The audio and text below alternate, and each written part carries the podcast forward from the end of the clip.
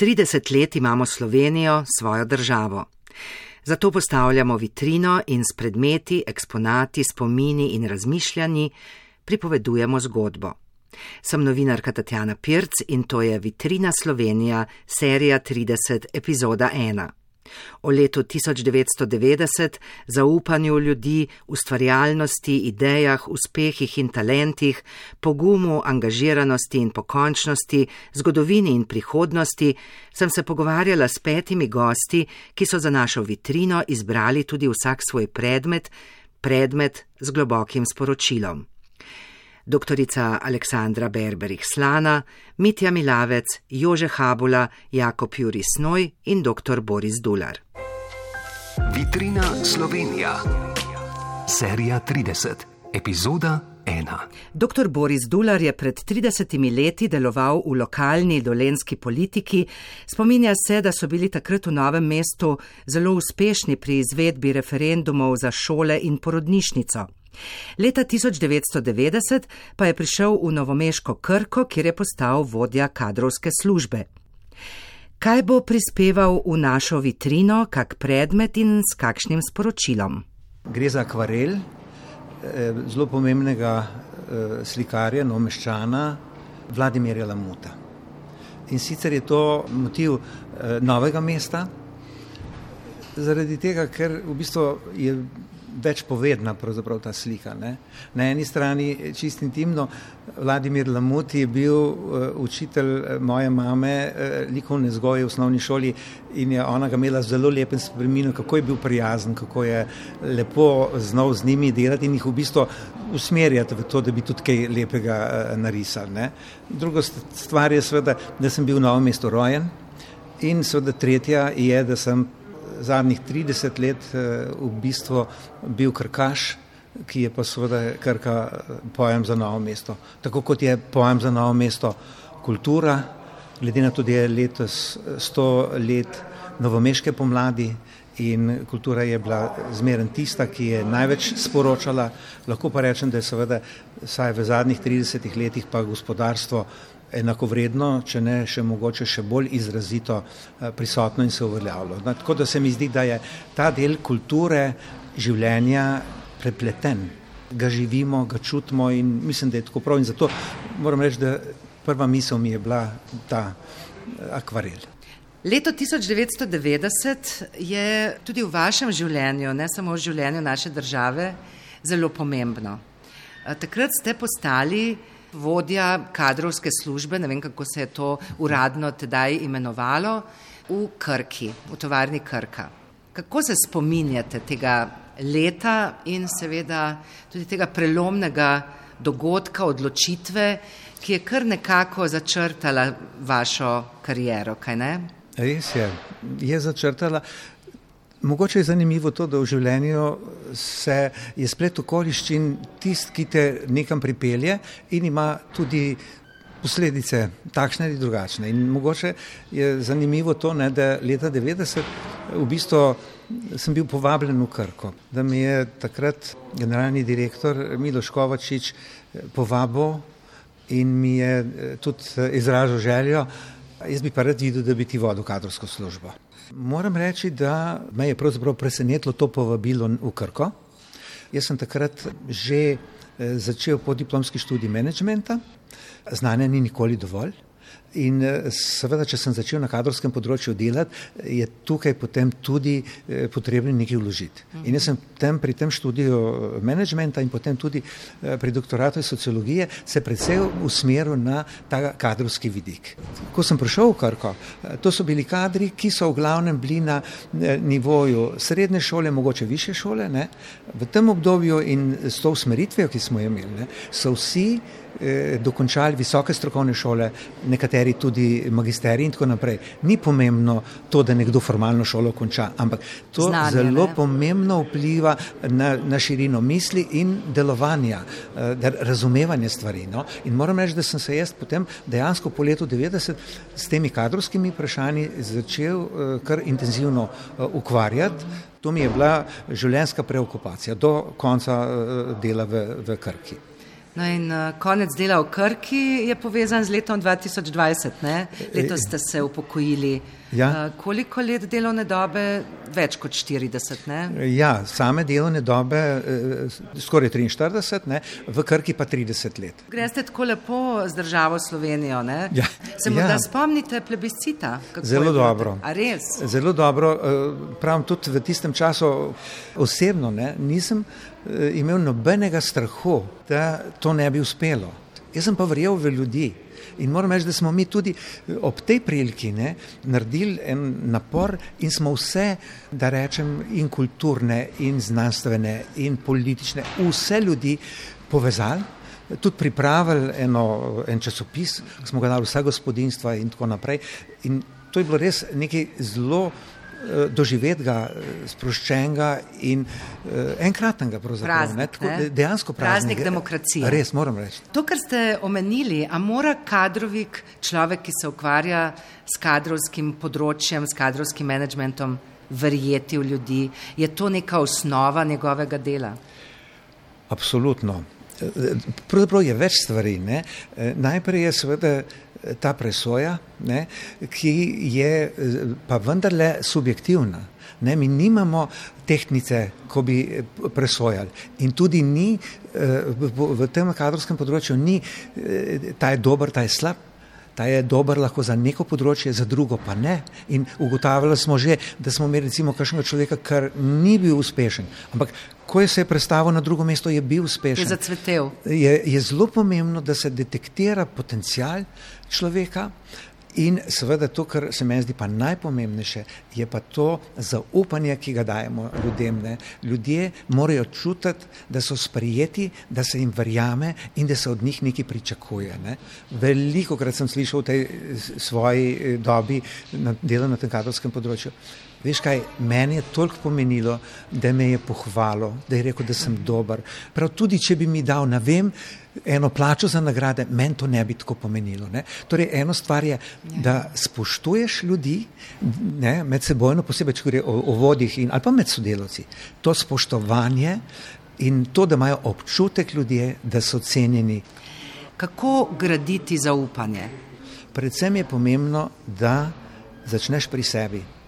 Sam moraš ravnati tako, da boš imel občutek in prepričanje, da ravnaš pošteno do sebe in do drugih. In da ne, nimaš pravil, ki veljajo za te, in pravil, ki veljajo eh, za druge. Ker, eh, veste, če šef hodi v službo ob sedmih, potem je logično, da bo to tudi iz pričakovanja, ki ga bo izrazil, da bomo vsi začeli ob sedmih, potem ni nič sporno. Če pa on od, pri, pričakuje in zahteva od svojih sodelavcev, da prihajajo ob sedmih, on pride pa ob desetih, pa ob dveh gre in tako naprej, ne, potem lejte, eh, je to samo vidik eh, pozicije in avtoritete, ki je formalna, dejansko te medčloveške notranje pa ni. Ljudem je treba zaupati, ljudi je treba ceniti, ljudi je treba spoštovati. In ne oblastniško, da, da ne dobijo ljudje občutek ali pa celo prepričanje, da v bistvu gre za oblast, ki tišči, pa lahko ima oblast ali pa eh, vodja ali pa šef prav v svojem ravnanju, uh -huh. ampak na način, na katerega izpriča zadevo, to ni primerno, pravzaprav razgrajuje družbo in namesto, da bi jo krepil, jo uh, uničuje. Vi dobro poznate tudi te procese v izobraževanju, ker se s tem zadnja leta veliko ukvarjate.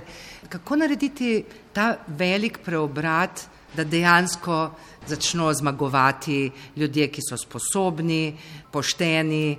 Zdi se mi, da imamo tu pri merilih kar težave. Ne? Jaz sem zelo pogosto uporabil termin. Ne. Pomembno je, da eh, govorimo o iskalcih zaposlitve, da iščemo delo, ne da iščemo službo. Ta zauzetost, ta odgovornost, ta želja, želja po znanju, želja po napredku, želja po dosežku, ta del je treba spodbujati. Veste, to je seveda povezano s tistim drugim delom. Ne? Ali smo kot družba, ali smo kot podjetje, ali smo kot država pripravljeni v bistvu to odpreti, ali pa recimo na posameznih segmentih ali so to lahko vodje, ali so to politike, ali karkoli, so tisti, ki v bistvu skrbijo za to, da ja ne bi prišel na površje kdo, ki je boljši od njega. Je mogoče to spremeniti? Je. Je, jaz, jaz bi tako rekel, ne? tukaj vidim jaz odgovornost na vodjih. Ne? Vodje so tisti, ki lahko tukaj največ prispevajo. Zanimivo misel, ki jo ja. je predsednik Krke, eh, gospod Solarič, ne? veliko krat povedal in se mi zdi, da je taka življenjska resnica. Učimo se rajši na napakah drugih. Ja, to je zelo modro. To je dobro. Izkoriste to, ne? Geslo. Ja. Ja, manj stane ta šola. Absolutno. Ne? Vitrina Slovenija. A se dobiva v ponedeljek točno opoldne na Luni, mi je predlagal filmski režiser Mitja Milavec. Nekega dne leta 1990 je dobil idejo in ustanovil oglaševalsko agencijo Luna, ki jo je skupaj s sodelavci, tako piše na njihovi spletni strani, ponesel v sam vrh slovenskega oglaševanja. Mitja Milavec je še vedno glavni stebr agencije Luna TBVA, njen strasten inovator, ki vidi dlje ter pogumno sprejema in ustvarja spremembe. Kateri predmet je Mitja Milavec premišljeno izbral in previdno položil v našo vitrino? Deva ga pogledati, ne? pa bom malo opisoval, da odprla sva eno škatlo, v kateri je v enem rdečem satenastem mošničku skita ena starina. Dame so imele to v bistvu v gledališčih, kadar so bile radovedne in so hotele kaj boljš videti znotraj scene, so to uporabljale. Jaz sem vam pa to zato prinesel, ker sem hotel uh, dati en omaž valu 202. Za mene je to največji radio.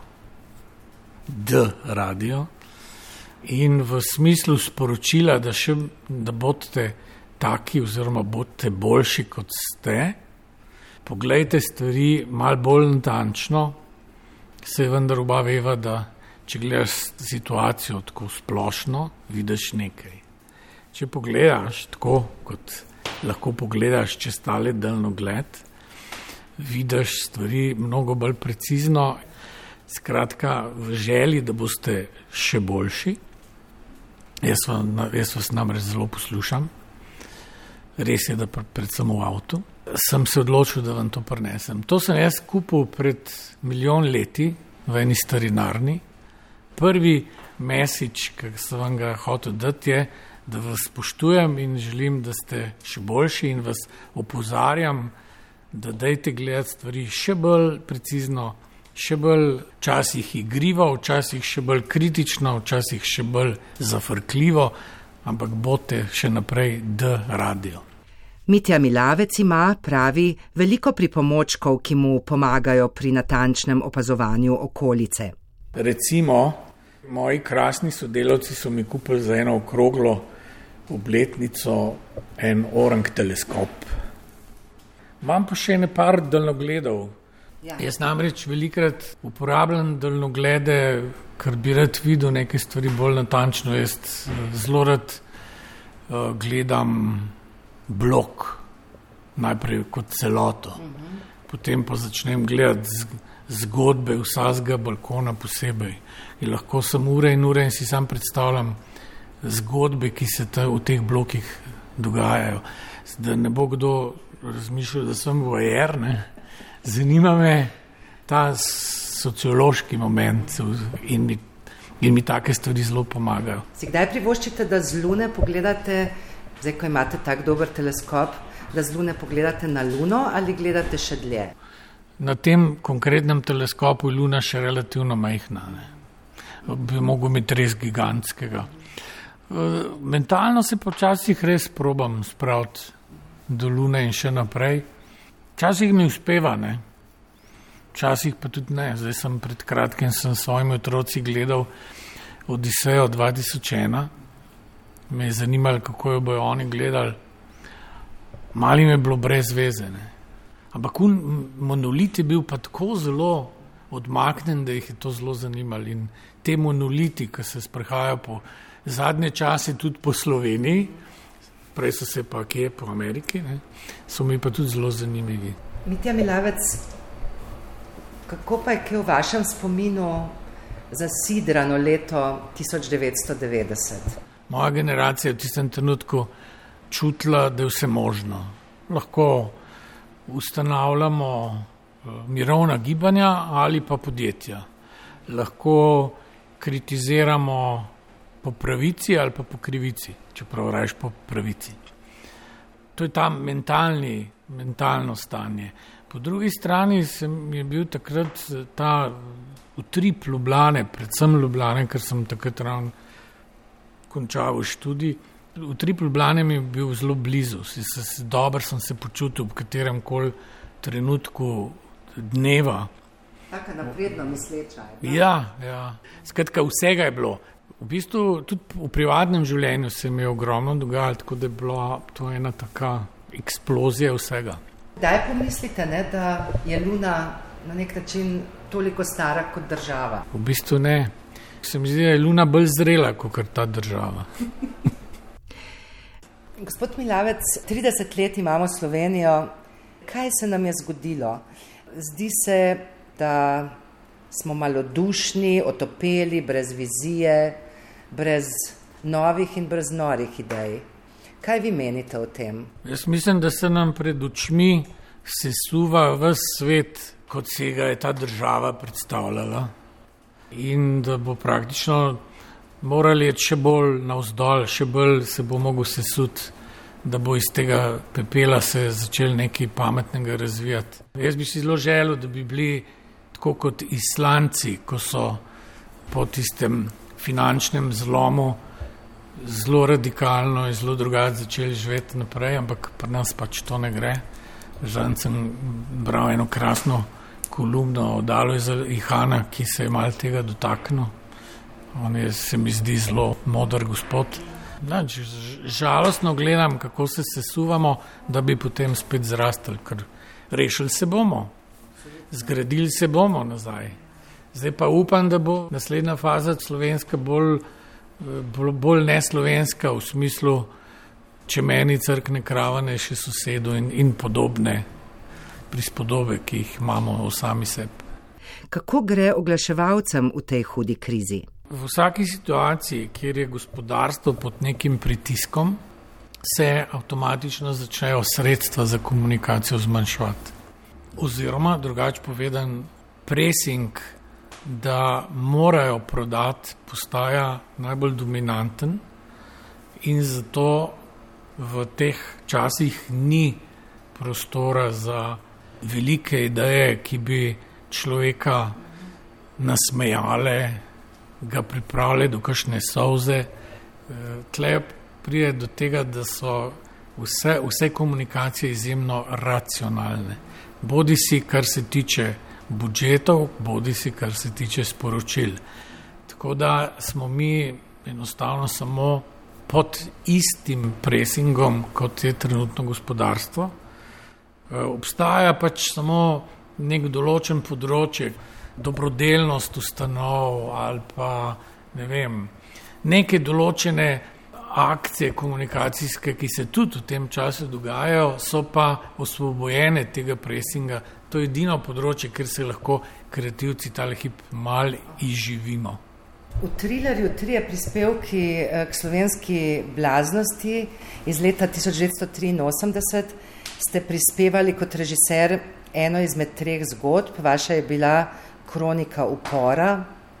Se vam zdi, da bi zdaj lahko prispevali še kakšno zgodbo? Ja, uh, bi lahko, ja. Se mi zdi, da vidim zelo velik uh, blaznosti, marsikje, ki se trenutno dogajajo, in uh, mora se bo nekaj zelo, zelo, zelo spremeniti na boljše. Jaz, jaz zelo verjamem, da lahko civilna inicijativa na vseh področjih ogromno naredi in tudi bo. Mislim, da se mora pač čim večje, čim večje število intelektualcev tudi aktivirati, ker ta pasivnost, eh, ki jo čutiš vsak, vsak dan, na vsakem koraku, je prevelika in eh, to ni dobro za državo, kot smo mi. Zima je čas, ko razmišlja o režiranju, čas, ko čaka na dobro idejo za film.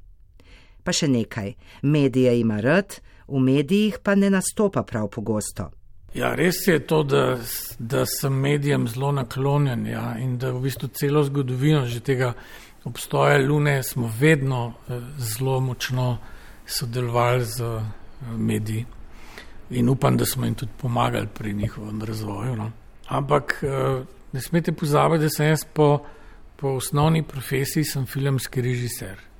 In če pogledava, kaj ti ljudje pretežno počnejo, režirajo svoje filme, motivirajo svoje sodelavce, ko pa prije do primere, se usedejo v zadnjo vrsto, odgledajo primero in potem spet zginejo do naslednjega filma.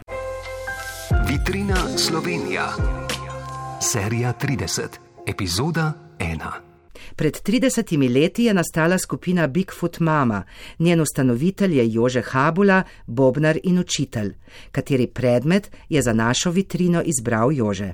V vitrino bom dal svojo zadnjo, oziroma našo zadnjo ploščo, Plameni v raju, ki v bistvu simbolizira tudi vse to skupaj, kar smo se do zdaj naučili vemo o glasbi, vse te naše izkušnje, v kateri je pa tudi recimo ogromen ene energije tudi iz prve plošče, eh, ki je imela naslov Nova pravila. Eh, ni pa imela zastojn tega naslova, ker eh, zaštartali smo dobro v Slovenijo v tistem obdobju in hoteli smo postaviti neki novih pravil, ki bojo izpodbila vse tisto, kar je bilo do zdaj, in da bomo na nečem novem zgradili svet, ki nas obdaja. Ne? In to je isto v glasbi, v vseh pogledih kulture, v umetnosti in v razmišljanju ljudi, da se postavi neka nova generacija, ki bo rekla: Jaz bi pa tako. Skupina Bigfoot Mama je prvič stopila na oder 14. septembra 1990. Konkretno to leto je bil zaključek moje srednje šole. Se pravi, to je en blazno pomemben menik. In uh, jaz sem dejansko mislil, da, da zdaj pa gremo v orbito, ker sem uh, si mislil, da pa prihajam v ta obdobje, da se bom opisal na fakulteto, pa te stvari. Filozofija bo začela leteti, so mi še neki, pa bomo ima, razumem, se malo pogovarjali, kako bomo zdaj uh, drug svet na, uh, naredili iz tega. Ne? No, in med tem cajtom je pa tudi ena velika stvar se zgodila v mojem življenju, se pravi, naredil sem bend dejstvo je, da bomo mogoče to obletnico praznovali, kot smo jo, bomo pa druge stvari pa nadoknadili ali pa spremenili. Ne? V glavnem vse stvari, ki so bile letos zamišljene, nas še čakajo, ne bojo pobegali. Ja, 2020 je pač. Lej, moje mnenje je, recimo, glede tega je tako. Malo pred tem obdobjem se mi zdel, da smo vsi govorili, da, je, da gre vse v plafon, da je super, da je noro. Pa si imela ti 80% ljudi, ki so se njamrali. A razumeš? Da jim ni bilo, da jim ni bilo dobro, skozi jim nekaj fali. Zdaj, ki je prišel ta obdobje, te, se ta procent še povečal. Ne? V bistvu treba se malo sest, malo prioritete poštimati, pa se moš lahko fantastično tudi v tem obdobju. Ne? Če pa skozi razmišljaš, da nekaj ti ni ali pa da ti je nekaj slabo, se pa nauči stola mogo premakati, brez da bi te krize zbolil. Ker je pa škoda, da tako razmišljaš. Ne? V bistvu ste starejši od države. Mečken. Verjetno ni veliko glasbenih skupin, Kor, da so res. nastale pred državo. Ja. Mogoče v tem delu Evrope več, ne, kot v Angliji, bi bil malo težji ja. od Francije. Ampak hočem reči, da jaz sem skozi mislil, da samo narodno zabavni bendi lahko dosežejo to obletnico. ja, če bi bil bend Bigfoot Mama država, uh mhm. -huh. kdo bi bil predsednik? Ja, yes, absolutno. ja. um, Katera skladba bi bila himna? Let severa, sigurno ne, ne. Jaz mislim, da prej, še na infobaka. wow.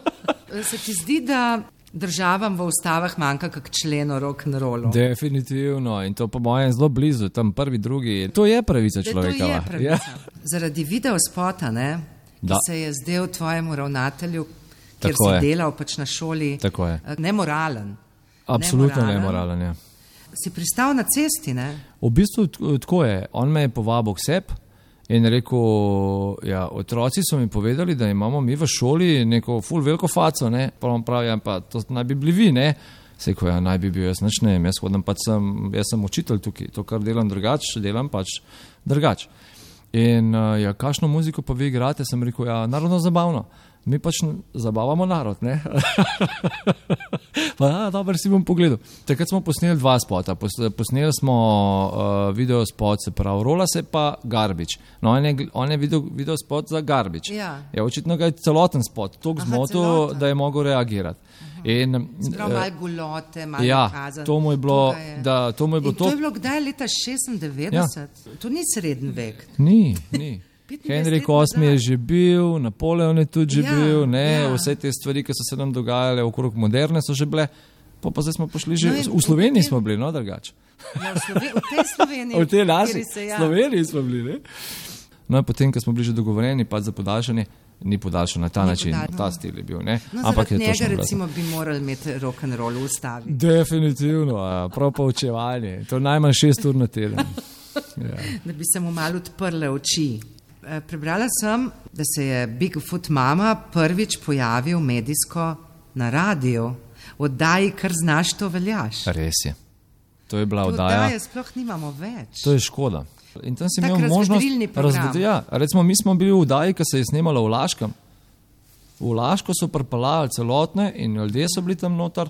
Radio je bil izrazit, izrazit močen medij v tistem obdobju. Recimo, In še vedno. In še vedno. Ja. Še bolj izrazito je bilo potem, ko so se drugi radiji začeli pojavljati.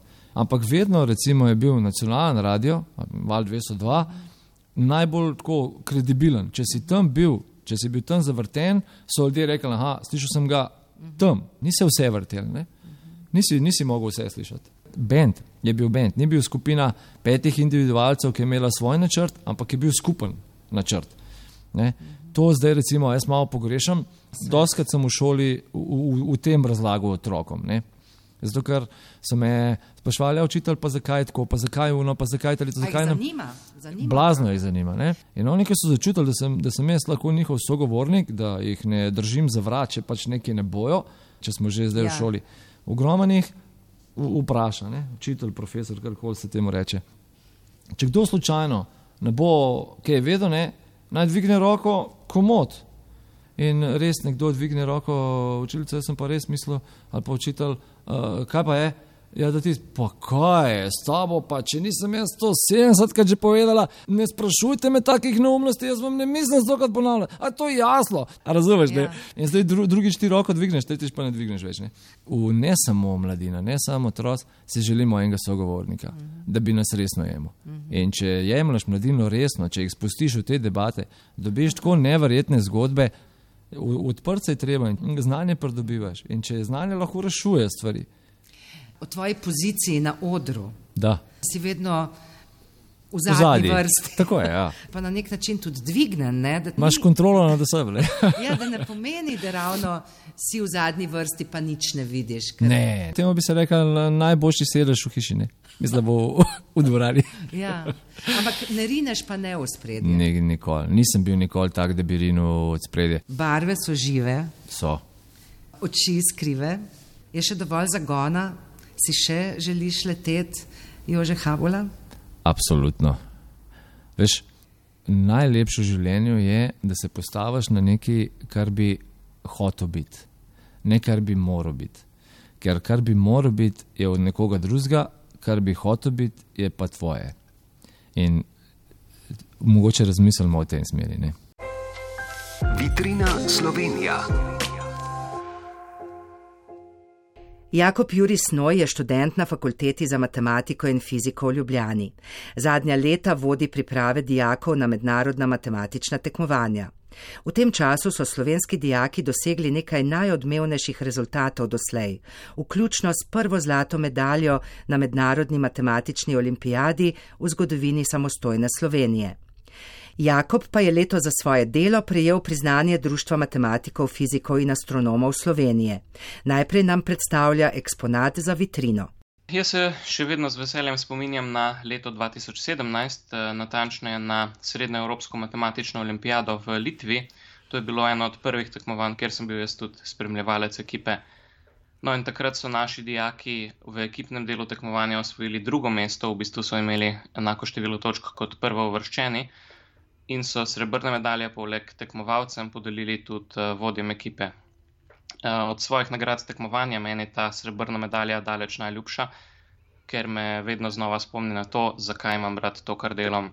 To je torej moja izbira, z njo pa bi želel sporočiti, da se moramo zavedati, da v Sloveniji nimamo samo odličnih športnikov, ampak imamo ogromno raznolikih talentov in te so najve naše največje bogatstvo. Zato jih moramo pa negovati in na nje nikdar ne pozabiti. Jakob Juri Snoj, prebrala sem, da vas že od malega zanima matematika. Kako, zakaj vas je prevzela, kakšne izzive vidite v njej? Ja, v bistvu že, ko sem bil mehen, se spomnim, da mi je oče večkrat krajšal čas na sprehodih z raznimi matematičnimi ogankami, na katere sem vedno komaj čakal. Mi je pa pri matematiki uh, predvsem zelo všeč to, da nič ni dvoumnega, pač če je nekaj dokazano, vemo, da je to res in ne pomaga, če imamo drugo mnenje.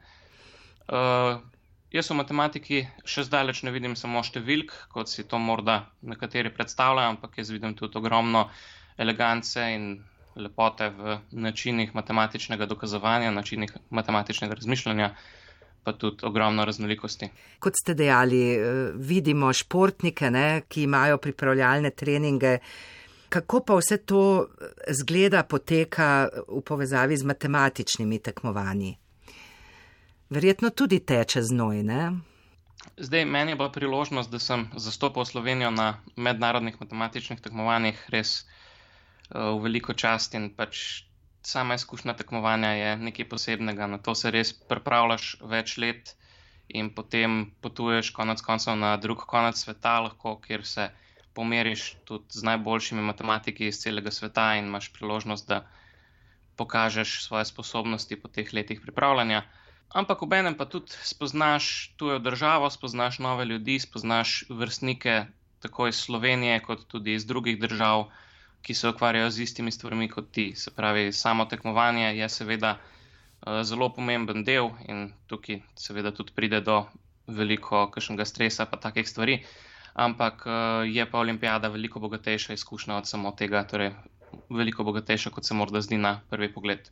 Je pa res, ja, na samem tekmovanju se meni zdi precej pomembno, da tekmovalci niso pod prevelikim stresom, pa se mi je vedno zdelo nekako, da se pri tekmovanjih takega tipa precej težko kaj naučiti zadnji dan, tako da mi je zelo pomembno, da se tekmovalci na predvečer tekmovanja raje počutijo sproščeni in so dobre volje. Zdaj, enkrat se spomnim, da smo v Romuniji recimo um, imeli tak pevski večer. Je pa že v navadi, morda bolj malo za šalo kot za res, da in pred tekmovanjem vsakeč pripravim tudi uh, krajši motivacijski govor. Hočem tekmovalcem povedati, da naj zaupajo vase, da mi tudi zaupamo v njih, ker so prišli že tako daleč, take stvari. Slovenija je uspešna na mednarodnih matematičnih tekmovanjih, čemu komu lahko vse pripišemo zasluge za ta visoka mesta, ki jih zasedajo tekmovalke, tekmovalci zadnja leta. E, jaz mislim, da gre za kombinacijo različnih dejavnikov. E, seveda je ogromno odvisno od talenta, pa rednega pripravljanja tekmovalcev. Eh, kjer veliko temelji tudi na discipliniranem samostojnem delu tekmo, tekmovalcev. Ampak v zadnjih letih vidim, da se je recimo tudi mentaliteta precej dvignila, recimo naloge, ki so še v mojih tekmovalnih časih veljale za pretežke za nas, tekmovalcem zdaj več ne predstavljajo nečesa tako nedosegljivega in se jih večkrat lotijo, večkrat se jih tudi uspešno lotijo, pa pomaga tudi, da se tekmovalci precej družijo, drug drugega podpirajo že malo s tem. Bi se pa vsekakor rad iskreno zahvalil tudi svoji zvesti ekipi predavateljev na celoletnih pripravah, s katerimi se vsako leto trudimo, da bi dijake res čim boljše pripravili na te izzive, ki jih čakajo na mednarodnih tekmovanjih. Jakob Juri Snoj, vi ste tudi avtor nalog za tekmovanja. Predvidevam, da je sestavljanje nalog težji posel kot reševanje nalog. Ja, zanimivo vprašanje. V bistvu bi rekel, da No, po eni strani ima nekaj skupnega z reševanjem nalog, po drugi strani je pa to povsem drugačen izziv, tako da je zelo težko reči, da je eno težje od drugega. Recimo pri reševanju nalog je včasih lahko zelo, zelo zahtevno odkriti prave korake, včasih te tudi naloga lahko malo usmerja. Recimo, če do, dokažeš kakšno lepo lastnost, obstaja potem velika verjetnost, da bo taka lepa lastnost tudi uporabna v nadaljevanju dokaza. Uh, sestavljanje nalog pa tudi zagotovo zahteva precej potrpljenja. Eh, včasih sploh ne veš, kje bi začel. Um, že to, da, da imaš ogromno svobode, te, um, ti včasih povzroča težave, da te sploh usmeri na pravo pot. Torej, ne veš, če bi iz trenutne ideje sploh lahko sestavil kaj primernega. pa vedno obstaja možnost, recimo, da si spregledal neko čisto enostavno rešitev ali pa da tavaš v slepi ulici. Spomnim se ene izmed svojih geometrijskih nalog, ki sem jih začel sestavljati okoli neke opažene lastnosti, ki se mi je zdela precej zanimiva. In potem sem ugotovil po nekaj dela, da lahko na domiseln način zajamem bistvo naloge in precej poenostavim konstrukcijo, in sem s tem v bistvu nalogo naredil še težjo, ampak tudi veliko bolj elegantno. Mhm. No, in meni se res zdi zadovoljstvo, ko ti uspe nekaj takega. Pač nepopisno. Morda kakšno tekmovanje, na katerega ste uspeli prodreti svojo nalogo, ker to ni enostavno. Ne? Na tekmovanju Romanian Master of Mathematics sem uspel lani, leta 2019, spraviti dve nalogi, drugo in peto nalogo. Bi bil za vas uspeh, če bi na koncu ugotovili, da naloge nihče ne zna rešiti, samo vi? Uh, ja, to bi, to bi bil v bistvu kar mm, lep občutek, moram reči. Čeprav pač vedno rad vidim tudi, da, da kdo reši mojo nalogo in da se tekmovalcem zdi lepa. Pred kratkim je po Sloveniji zelo odmevala novica, da so dijaki ostali brez možnosti udeležbe na mednarodni olimpijadi mladih fizikov. Tekmovati jim niso dovolili, ker bi jih bilo pet v istem prostoru. Jakoba Jurija Snoja sem prosila za komentar.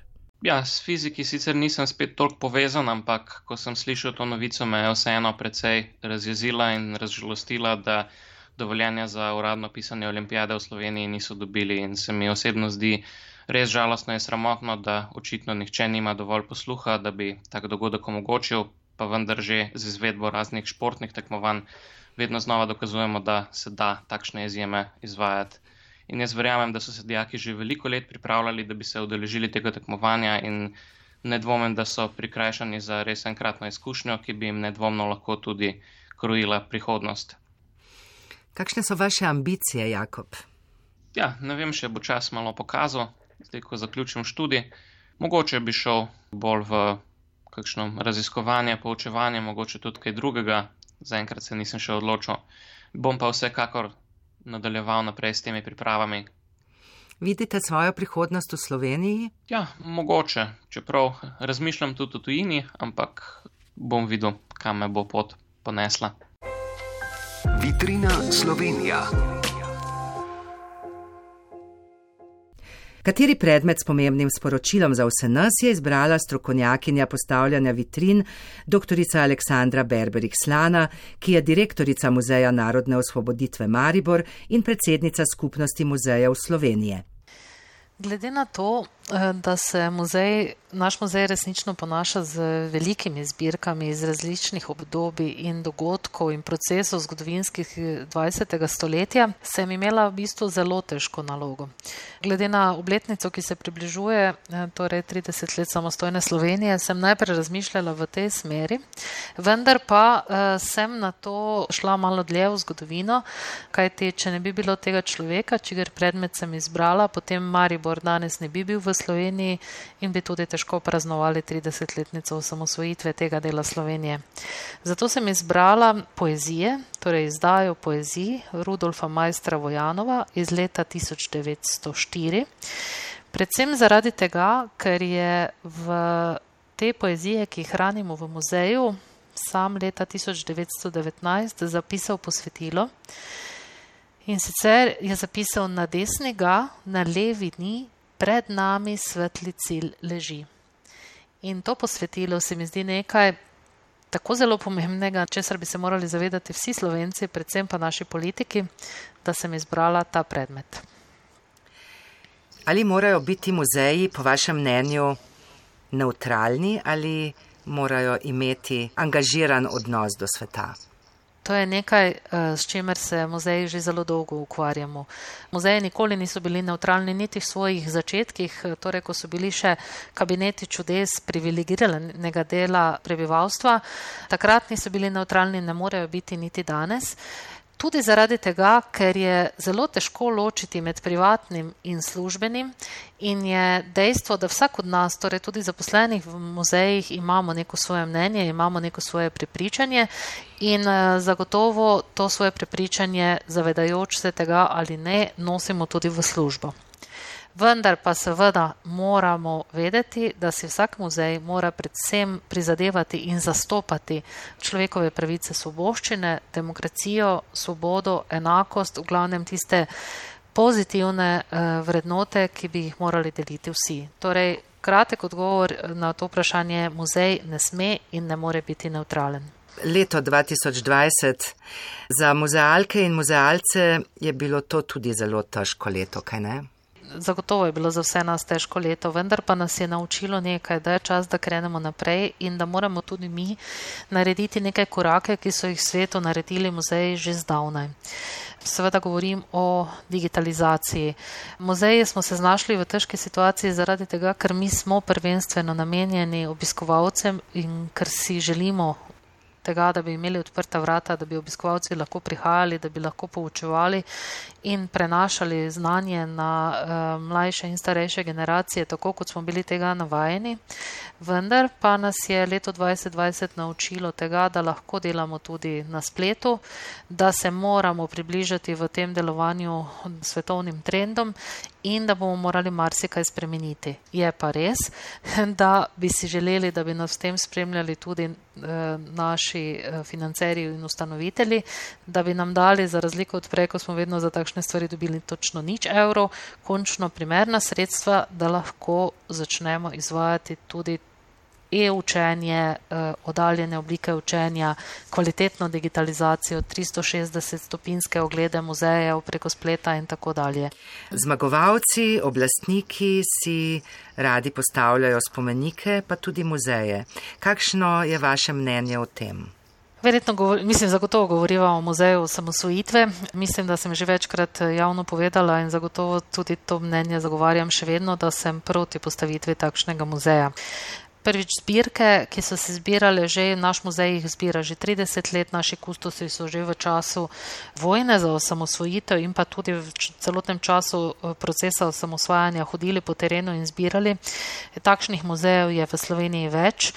Eh, torej, zbirke so že shranjene v posameznih muzejih, ki jih tudi redno razstavljamo, redno proučujemo in so torej vedno dostopne našim obiskovalcem. To je prva stvar. Druga stvar, govorilo se je, da bi naj ta muzej bil interaktiven, da bi zbiral eh, pričevanje in tako dalje. Vse to muzeji počnemo že 30 let in imamo že ogromne teh zbirk eh, in jih tudi temu primerno prikazujemo, vkolikor avtori želijo, da jih že javno prikazujemo. Kajti dejstvo je, da je to samo 30 let od teh dogodkov, da zgodovinski procesi v zvezi z osamosvajanjem še niso končani in da nekateri še tudi tudi niso pripravljeni nastopati javno oziroma ne želijo, da njihove spomine že delimo.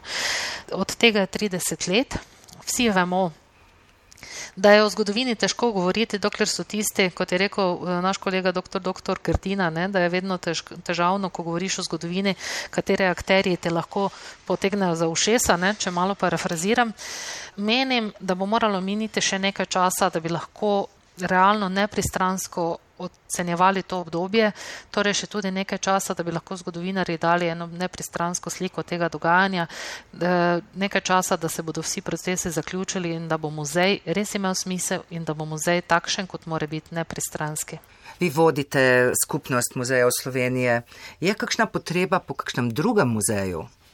Ko bo država poskrbela za tiste muzeje, ki jih imamo, pa ne govorimo samo o muzejih, ki so jih ustanovili lokalne skupnosti in tako dalje, govorimo o muzejih, ki jih je država sama ustanovila, torej nacionalke, ki še niso nekatere v primernih prostorih ali pa se nahajajo v prostorih, ki so v procesu denacionalizacije, ko še sami nimajo primer popolnoma idealnih pogojev za hrambo gradiva in tako dalje. Ne? Torej, že, začne se pri nacionalkah in seveda se ti isti problemi vlečajo tudi do zadnjega muzeja najmanjšega muzeja v najmanjši vasi v Sloveniji, takrat lahko država potem razmišlja o novih muzejih.